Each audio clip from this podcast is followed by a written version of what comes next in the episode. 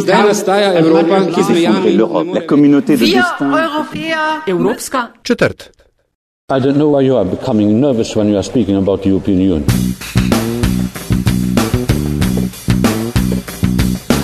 Spoštovane in cenjeni, dobrodošli v Evropski četrti podcast o vsem, kar vas bo zanimalo o Evropski uniji, pa niste vedeli, koga vprašati. Podcast vodiva Nataša Briški, urednica Metine liste in Aljaš Mengovitenc, urednik Radia Chaos. Evropska četrt domuje na spletni postaji metinalista.si. V vašem nabiralniku sveža epizoda vsak drugi ponedeljek. Na družbenih omrežjih je uradni ključnik Evropska četrt. Če boste privolili, da naj jo ocenite v Apple Podcast oziroma iTunesih, hvala vnaprej. tema tokratne epizode Hiša evropske zgodovine. Kar nekaj poslušalcev oziroma poslušalk se nam je oglasilo z vprašanjem, če bova šla pogledati tudi ta muzej. Ne le, ker tako so pisali, je menda dobro urejen, ampak tudi zato, ker je glavna kuratorka muzeja Slovenka Teja Vovk Vangal. In sva šla, no, Aljaš je vzel pot pod noge in v Bruselj tja, kjer si mački kremplje brusijo, kot se govori Aljaš. Ja, pozabite atomium, pozabite Leopoldove vrtove, če vas bo pot zanesla tja, kaj potem je ogled hiše evropske zgodovine obvezen. In to ne le zato, ker so v njem združeni najboljši in najsodobnejši muzealski pristopi, pač pa tudi, ker to ni muzej zgodovine članic Evropske unije, pač pa dobesedno muzej Evrope. Po nekako pol ure sprehoda po hiši evropske zgodovine obiskovalec in obiskovalka naletita na najbolj kontroverzen in hkrati najbolj inovativen element razstave. Kolikor vemo, smo edini muzej, ki predstavlja na tak način uh, usporednice in primerjavo med dvema totalitarnima režimoma uh, v Evropi. Med nacizmom in seveda komunizmom v tem uh, delu, stalinizmom, ki je seveda najbolj krut, radikalen predstavnik komunizma. Ju ne enačimo. Mislim, da je to treba zelo posebej podariti. Ja, ju primerjamo, ampak ju ne enačimo, ker nista bila ista. Predstavljamo pa podstati osnove, na katerih je zgrajen vsak totalitarni režim, vključno s tema dvema. Se pravi, princip eh, vodje in princip vodje v nacizmu in eh, v stalinizmu je bil različen, ker sta različno prišla na oblast, eh, imela sta različno vlogo. Žižek je o tem veliko povedal, ne, da v nacizmu se ploskala vodja v stalinizmu, ne, pa vodja ploskal, tudi vodja ploskal ideje. Ne. Če hočemo iti v to raven za nekoga, ki recimo se na to toliko ne spozna, mislim, da je muzej izjemno dobro sredstvo, ker lahko vizualno predstaviš in primerjaš eh, in predstaviš skupne točke in razlike. Potem je ekonomski sistem, potem je propaganda, teror eh, in seveda splošna mobilizacija, mobilizacija, tako rečem, ljudskih eh, množic. Zdaj, to je za marsikoga v Evropi je to ključni moment te, te, tega muzeja, tudi naj, najbolj kontroverzen. Ne? A je bil to profesionalni izziv za vas to rešiti, a je bila to um, pač um, nekaj, kar ste morali vzeti za kup da se boste s tem enostavno morali soočiti? Ne, to je bil profesionalni izziv in to je bilo tudi neko zavedanje, da, da v zadnjih 27 letih so bile eh, narejene resne zgodovinske raziskave, odprli so se arhivi in nek star tip ponavljanja nekih eh, zgodovinskih interpretacij eh, ni več mogoč. Bil pa je profesionalni izziv, kako preprečiti oziroma kako eh, postaviti primerjavo, vendar ne enačenje. Eh, zdaj, načelno dobivamo tudi v drugače precej eh, kritičnih pripombah, predvsem iz Polske, priznanje, da je to narejeno dokaj korektno, ampak mi nismo hoteli imeti samo korektnosti, mi smo hoteli naše obiskovalce pravzaprav uh, spet zintrigirati, da bi želeli izvedeti več, da bi se zanimali tudi zato, ker lahko prepoznaš vsak totalitaren režim, kakor tudi avtokratske eh, režime, fašistične režime, diktature. In to, eh, temu delu je namenjen del, ki je postavljen nasproti primerjavi, to je uspon in padec demokracije, ker predstavljamo različne tokove pro in kontra Eh, procesov, ki so potem privedli tudi do druge svetovne vojne. Hiša evropske zgodovine načrtno sproža več vprašanj, kot ponuja odgovorov. Njen cilj je namreč obiskovalca oziroma obiskovalko spodbuditi k razmišljanju o tem, ali imajo evropski narodi in evropske države skupnega kaj več kot občasno puščanje krvi. Mogoče bi bilo dobro povedati, da je, da je fokus stalne postavitve na 20. stoletju.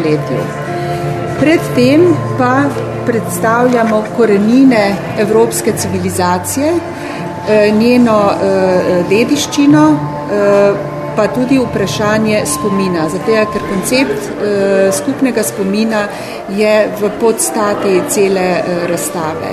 Že sam koncept skupnega ne, spomina je bil nekako kontroverzen, ravno zaradi tega, ker ste zdaj omenili, ne, se pravi, različni pogledi na različna obdobja, mogoče Pa, če, če odmislimo ne, to dejstvo, da se vsakemu narodu zdi njegova zgodovina še posebej pomembna, kako, kako se pa s tem kaj spopadli? Ja, zdaj uh, uh, mi ne predstavljamo nacionalni zgodovini. To je prvo uh, in osnovni pogoj. Tisto, kar mi predstavljamo, so dejansko procesi, fenomeni, dogodki, ki so vplivali na uh, Evropo ali na večji del Evrope. Izbrali smo tri kriterije. Prvič, da je proces uh, bil rojen, tako rekoč, v Evropi, da se je skozi čas razširil na večino Evrope in da je relevanten še danes. O tem govorimo o demokraciji, o filozofiji, pa tudi o nacionalizmu, o imperializmu, kapitalizmu, eh, komunizmu, eh, razsvetljenstvu in lahko bi krš, krščanstvu in drugih religijah lahko bi naštevala naprej.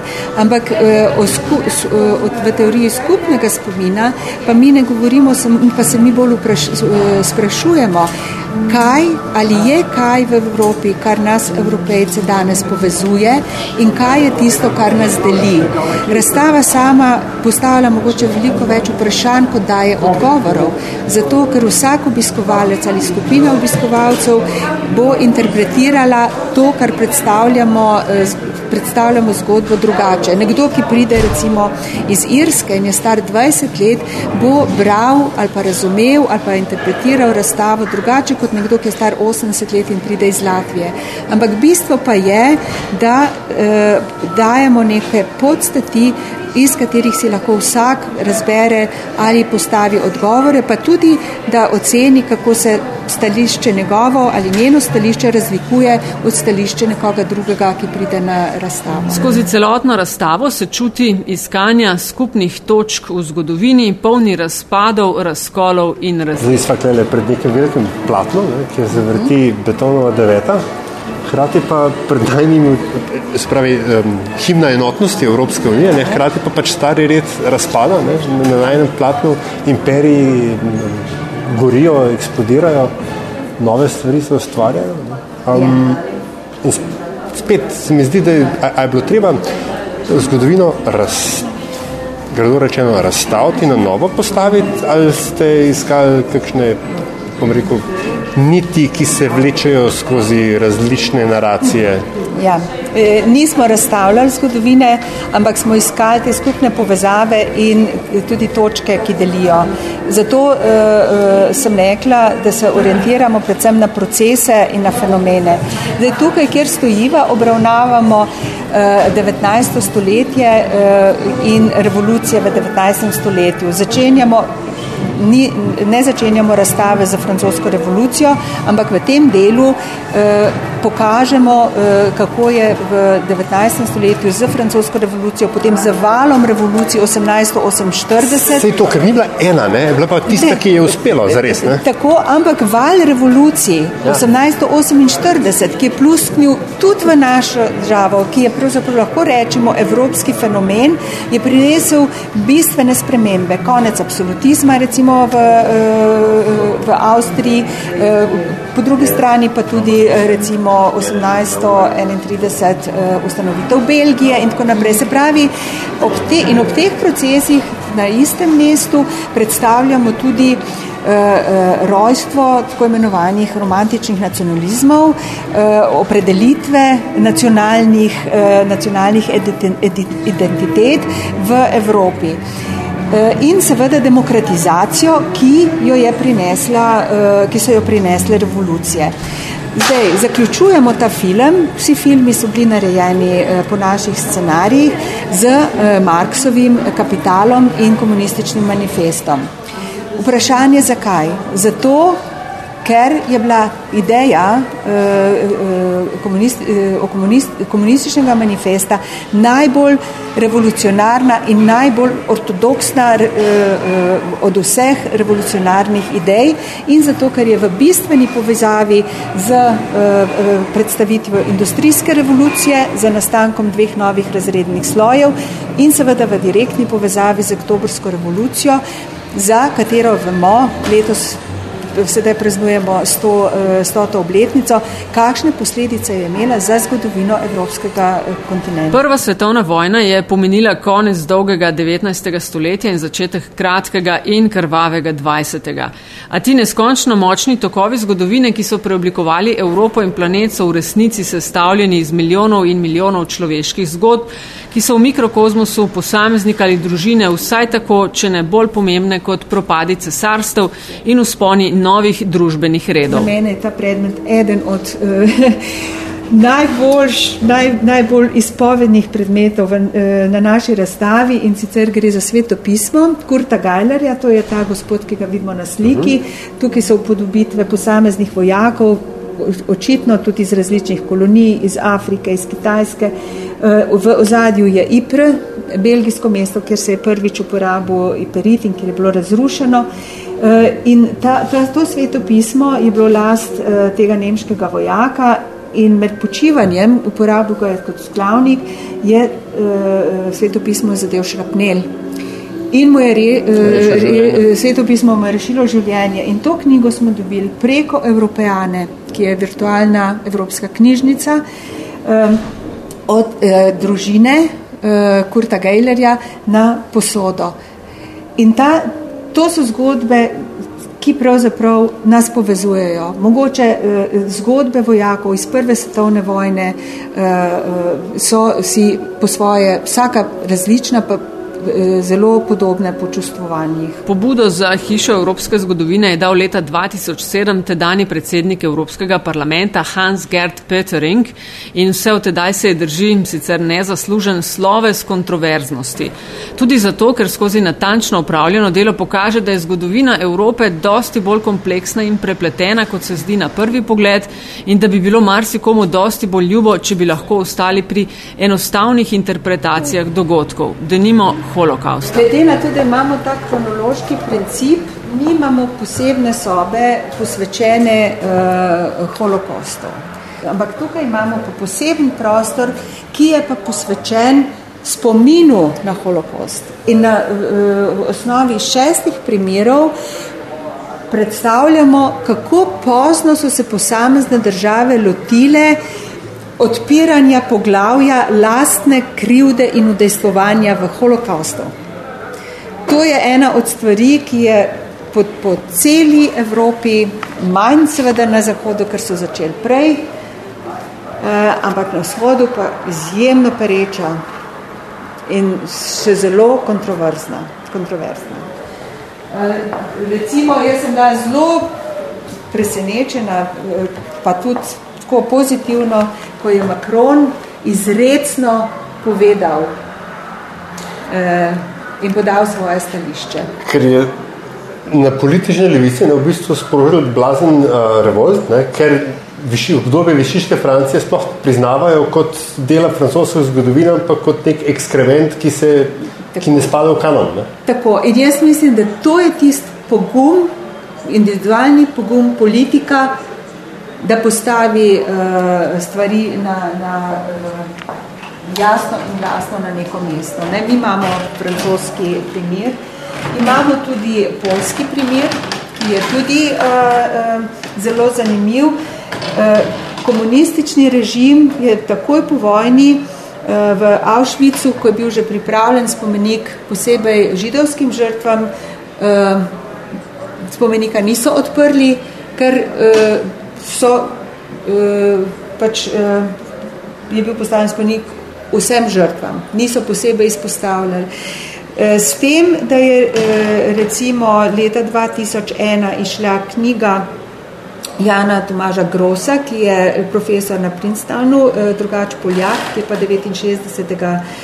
emigriral in on je napisal zgodovinsko raziskavo na primeru Jadvabne, To je, bila, to je bil kraj v Polskem, kjer so leta 1941 pod okupacijo Nemcev eh, sosedje, svoje židovske eh, sosede spravili v crkvu, v sinagogo Prav, in zažgali. Poljaki sami, ne? Ja, in to je knjiga, ki je zbudila in je še danes zelo, zato ker je odprla poglavje eh, v, na Polskem, o antisemitizmu in tudi o um, sodelovanju posameznih uh, Poljakov, uh, kako tudi nesodelovanje pri reševanju katoliške cerkve. In tukaj zdaj stojiva pod citatom ne, k, ja. uh, takratnega predsednika Kvašnjevskega, ki se opravičuje. Za jedvabne. Ja. Tako, no, in ti razumeš, da je to upravičilo za jedvabne in ne za uh, Auschwitz, ker je seveda Auschwitz bil stvar Eh, eh, nacistov na okupiranem ozemlju eh, Polske, s tem, da seveda je, je brezprezivno priznano in da, da so Poljaki utrpeli izjemne žrtve med okupacijo. Ko, ko je čista žrtva, ni čist, čista ne, in ko čista zmaga, ni čist, čista. Ne, to, to zelo, v bistvu zelo znane zgodbe tudi iz domačih logov. Ja, in zdaj zanimivo, zanimivo je pri vseh teh polemikah, koliko čustev je uh, zraven. To je univerzalna ja, stvar ja. in takšne stvari ne gre za to, da boš nekoga izobčil, ampak da priznaš, to so stvari, ki, so, ki se dogajajo. Dobesedno posod, je to verjetno tudi ena od teh niti, ne, ki so se skozi različne interpretacije. Ja, ja. Doktor Trnovšek, no, mislim, da je eh, na teh rejah, takrat je rekel, da si danes skoraj da ne moramo predstavljati ne, uh, moralne in etične rekel, dileme ne, in vse, s čimer so se ljudje takrat soočali. Tako, jaz sem zdaj ravno, kar, ker sem bila na eni konferenciji v septembru v Rigi, uh, ravno o reševalcih, a ne, uh, uh, židovskih uh, sorodne, ja, in sem prebrala spomine enega preživelega iz geta v Riki, kjer, ki, ki jih je napisal v 40-ih, začetku 50-ih, ker ne veš, kako boš lahko spal, ko vidiš degradacijo človeka v okoliščinah, ki so popolnoma nenormalne,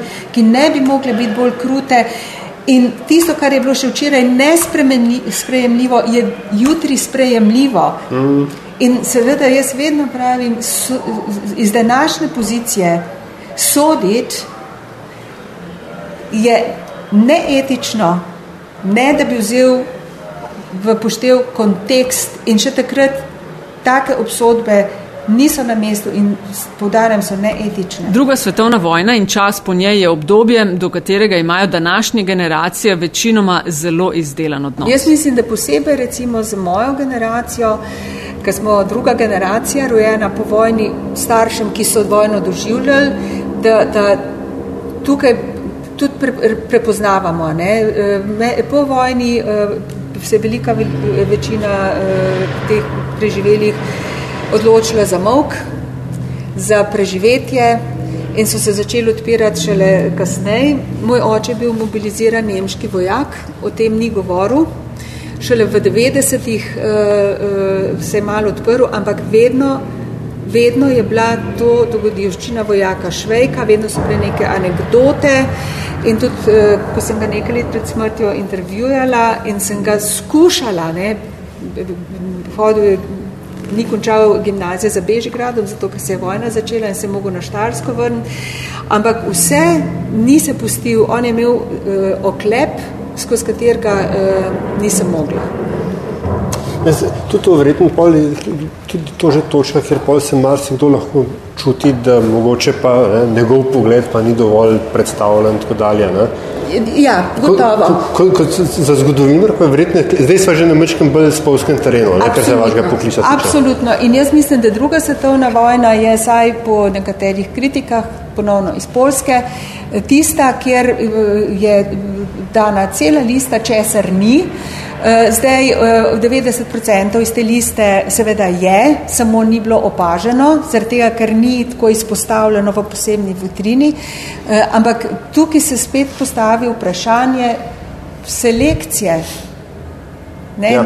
Že tega se mi zdi, to, kar je v tej vitrini, je tega toliko, da je lahko obiskovalec zmeden.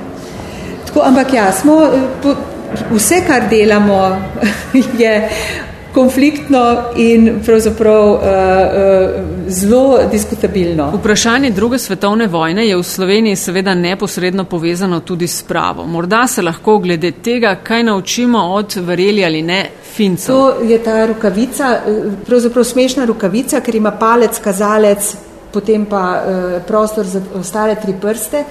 Gre za uh, rukavico uh, za zimsko bojevanje, uh -huh. očitno iz Finske. Uh, in uh, tri mesečna državljanska vojna, ki je bila najbolj uh, kruta v mestu Tampere na Finskem, je ena od značilnosti tudi, da je takratni direktor muzeja zbiral material med, bit, med samim dogajanjem, med samo državljansko vojno. Ta, ta zbirka je bila v depoju 90 let. 90 let je bilo potrebnih, da se je muzej v Priki center v Tamperah odločil, da bodo postavili razstavo in odprli razpravo o civilni vojni. Za mene je to zelo izpovedno, kako težko je priti do sprave, ko so čustva še vedno sveža, ko so rane odprte in da je vedno potreben čas, za racionalno razpravo. Tako kot po francoski revoluciji pravijo, da je potrebno pet generacij, da se lahko v tem neprizadeto pogovarjaš. In za mene je to en tak simboličen predmet, eh, ki lahko nam, evropejcem, po vseh eh, civilnih vojnah in vseh grozotah 20. stoletja daje v premislek, kako se lotevati sprave, koliko počakati eh, in kdaj je zrel čas in mi sami, da se o tem lahko pogovarjamo brez prevelike čustvene angažiranosti. Na hitro zračunamo, smo v Sloveniji še generacijo do dve stran. Ne? Ko smo že pri Sloveniji, kar precej predmetov v hiši Evropske zgodovine je prišlo iz slovenskih muzejev. Pa ne samo zato, ker je vodja projekta Slovenka, saj je bil za sodelovanje s slovenskimi ustanovami zadolžen irski član ekipe, pač pa zato, ker so depoji in arhivi slovenskih muzejev dobro upravljani. Tako je lahko tudi z njihovo pomočjo zaživel Fičko, glavna atrakcija tistega dela razstave, ki se ukvarja s povojno državo blaginje. To je pa zdaj ta famozni Fičko. In zakaj fičko? Predvsem zato, ker smo hoteli tukaj pokazati, da trgovina nima vedno ne upošteva oziroma lahko preskoči politične meje različnih sistemov, eh, zato ker je imel Fiat licence, tako v Sovjetski zvezi, na Polskem, v Jugoslaviji. Na Polskem, Polskem. Ja. Tablice smo dobili iz Ljubljane, fičata smo kupili v Nemčiji, vožen je bil tudi v Srbiji. Ja, zato je ta zgodba, da sem jo prebral, da je imel celske, eh, da je imel eh, belgijske ja, ja, tablice ja, ja, ja, na začetku, ja, ja, ko ste ja, ga sem. Ja. In pa smo rekli, sem imel srpske, ne? Ja, ja. Smo rekli, morajo biti jugoslovanske. A ja, prvo srpske, srpske. Ja, ja, ja, ja, ja, ja, ja. ne drugač bi jih pustili, ja, ne, če bi bile iz uh, bivše Jugoslavije. A tudi država blaginje, ki je za nekaj desetletij po vojni vsaj v ekonomskem smislu zmanjšala razlike med različnimi deli Evrope, ima dve plati. To je en tako tipično stanovanje, ki ga mi poznamo iz vseh tistih ja. blokov, ampak tukaj so pa že druge stvari, druge plati. Uh mhm. -huh. Ko odpremo omare. Ne? Ko odpremo omare, ja. Ne? Kjer pa to pa to nekako ja, ne gre. Ne, ne gre. Pač Gastarbajteri, vid... ki živijo tako kot so pred dve gradovi delavci, recimo. Ne? Ja. Potem imamo pri zdravstvu res dostop do zdravstva, umrljivost dojenčkov gre dol in tako uh, naprej, ampak vprašanje farmacevtske industrije. Uh -huh. Kontragant. Vedno imamo, v vsakem predalu imamo tisto, kar rečeš, ne, ne, ni tako lepo, ni ja, ja. tako, ja. je konzumerizem. Kaj se začne? Polucija, onesnaževanje, ja. smeti, Potem imamo celo, eh, celo eh, razlikovanje, revni, bogati, imamo tudi eh, anoreksijo. Vse to, s čimer se danes ubadamo, se je množično začelo z množično produkcijo, ki se je v tem smislu potrošnica začelo po drugi svetovni vojni. Če ravno se za nazaj zdi, da je potekalo premočrtno, je bilo evropsko povezovanje po drugi svetovni vojni deležno tudi slepih ulic in mimo sunkov. Skozi na tej razstavi prikazujemo, da dva koraka naprej, korak nazaj, da ni bilo naprej določeno, kam se bojo stvari razvijale. Ne? Da so bili poskusi, da so bili eh, padci in tako. Zdaj, tukaj predstavljamo tako imenovane arhitekte Evropske unije. To niso možje, ki bi bili evropsko znani heroji, ampak mi jih predstavljamo uh, uh, kot tiste nosilce te ideje iz različnih držav od začetka, s tem, da vsakemu uh, smo dali tudi en osebni predmet. Tik pred koncem razstave pa obiskovalec in obiskovalka ne moreta mimo nenavadne 80 tisoč stranske knjige. To je Aki komuniter, to je, so vsi tisti zakoni, ki smo jih mogli zapirati poglavja in to je umetniško delo Rema Kolhaza, ki je to knjigo je naredil 2004, ta nizozemski umetnik, ne, to je ja, Aki komuniter. Na tem Zdaj, če gremo na, na ja. zakon v drugem nadstropju, na tem naj bi temelji Evropska skupnost. Hišo Evropske zgodovine so odprli maja letos in če želite, se lahko v njej izgubite tudi za pet ali več ur a večinoma obiskovalci oziroma obiskovalke, ki za obisk ne potrebujejo posebnega predznanja, za standarden sprehod porabijo uro in pol, do prihodnje pomladi pa bodo uredili tudi družinske kotičke in igralnice, že sedaj pa je na voljo tudi posebna družinska pot po razstavi. Če pa vam bo le zneslo, potem muzej obiščite večkrat, saj pripravljajo tudi tematska vodenja. In ne pozabite, da je namen muzeja predvsem, da si sami postavljate vprašanja o naši skupni zgodovini zgodovini. Ta se namreč vse skozi dopolnjuje in razvija. V nekem trenutku z, z različnih zornih kotov je lahko oseba, stanje ocenjeno zelo, zelo različno. Mm -hmm. Je pa res, seveda, da mi nismo, eh, da smo se odločili, to je pa eh, na nek način pozicija eh, kustosov, že z samim izborom predmetov, seveda z odločitvijo prevzemaš odgovornost tudi določene interpretacije. In verjetno, če bi ta, to, ta muzej postavljala druga skupina kustosov, pa celo deset let prej, bi gotovo bil odraz drugačen. In to je, to je pa tisti avtorski pristop in neka uh, neod, strokovna neodvisnost. In ne, nujno vprašanje je, a je prostor v muzeju, da se čez deset let stvar postavi malenkost drugače? Ja, seveda. Mi načrtujemo eh, spremembe v stalni postavitvi po sedmih letih. To je bila Evropska četrt.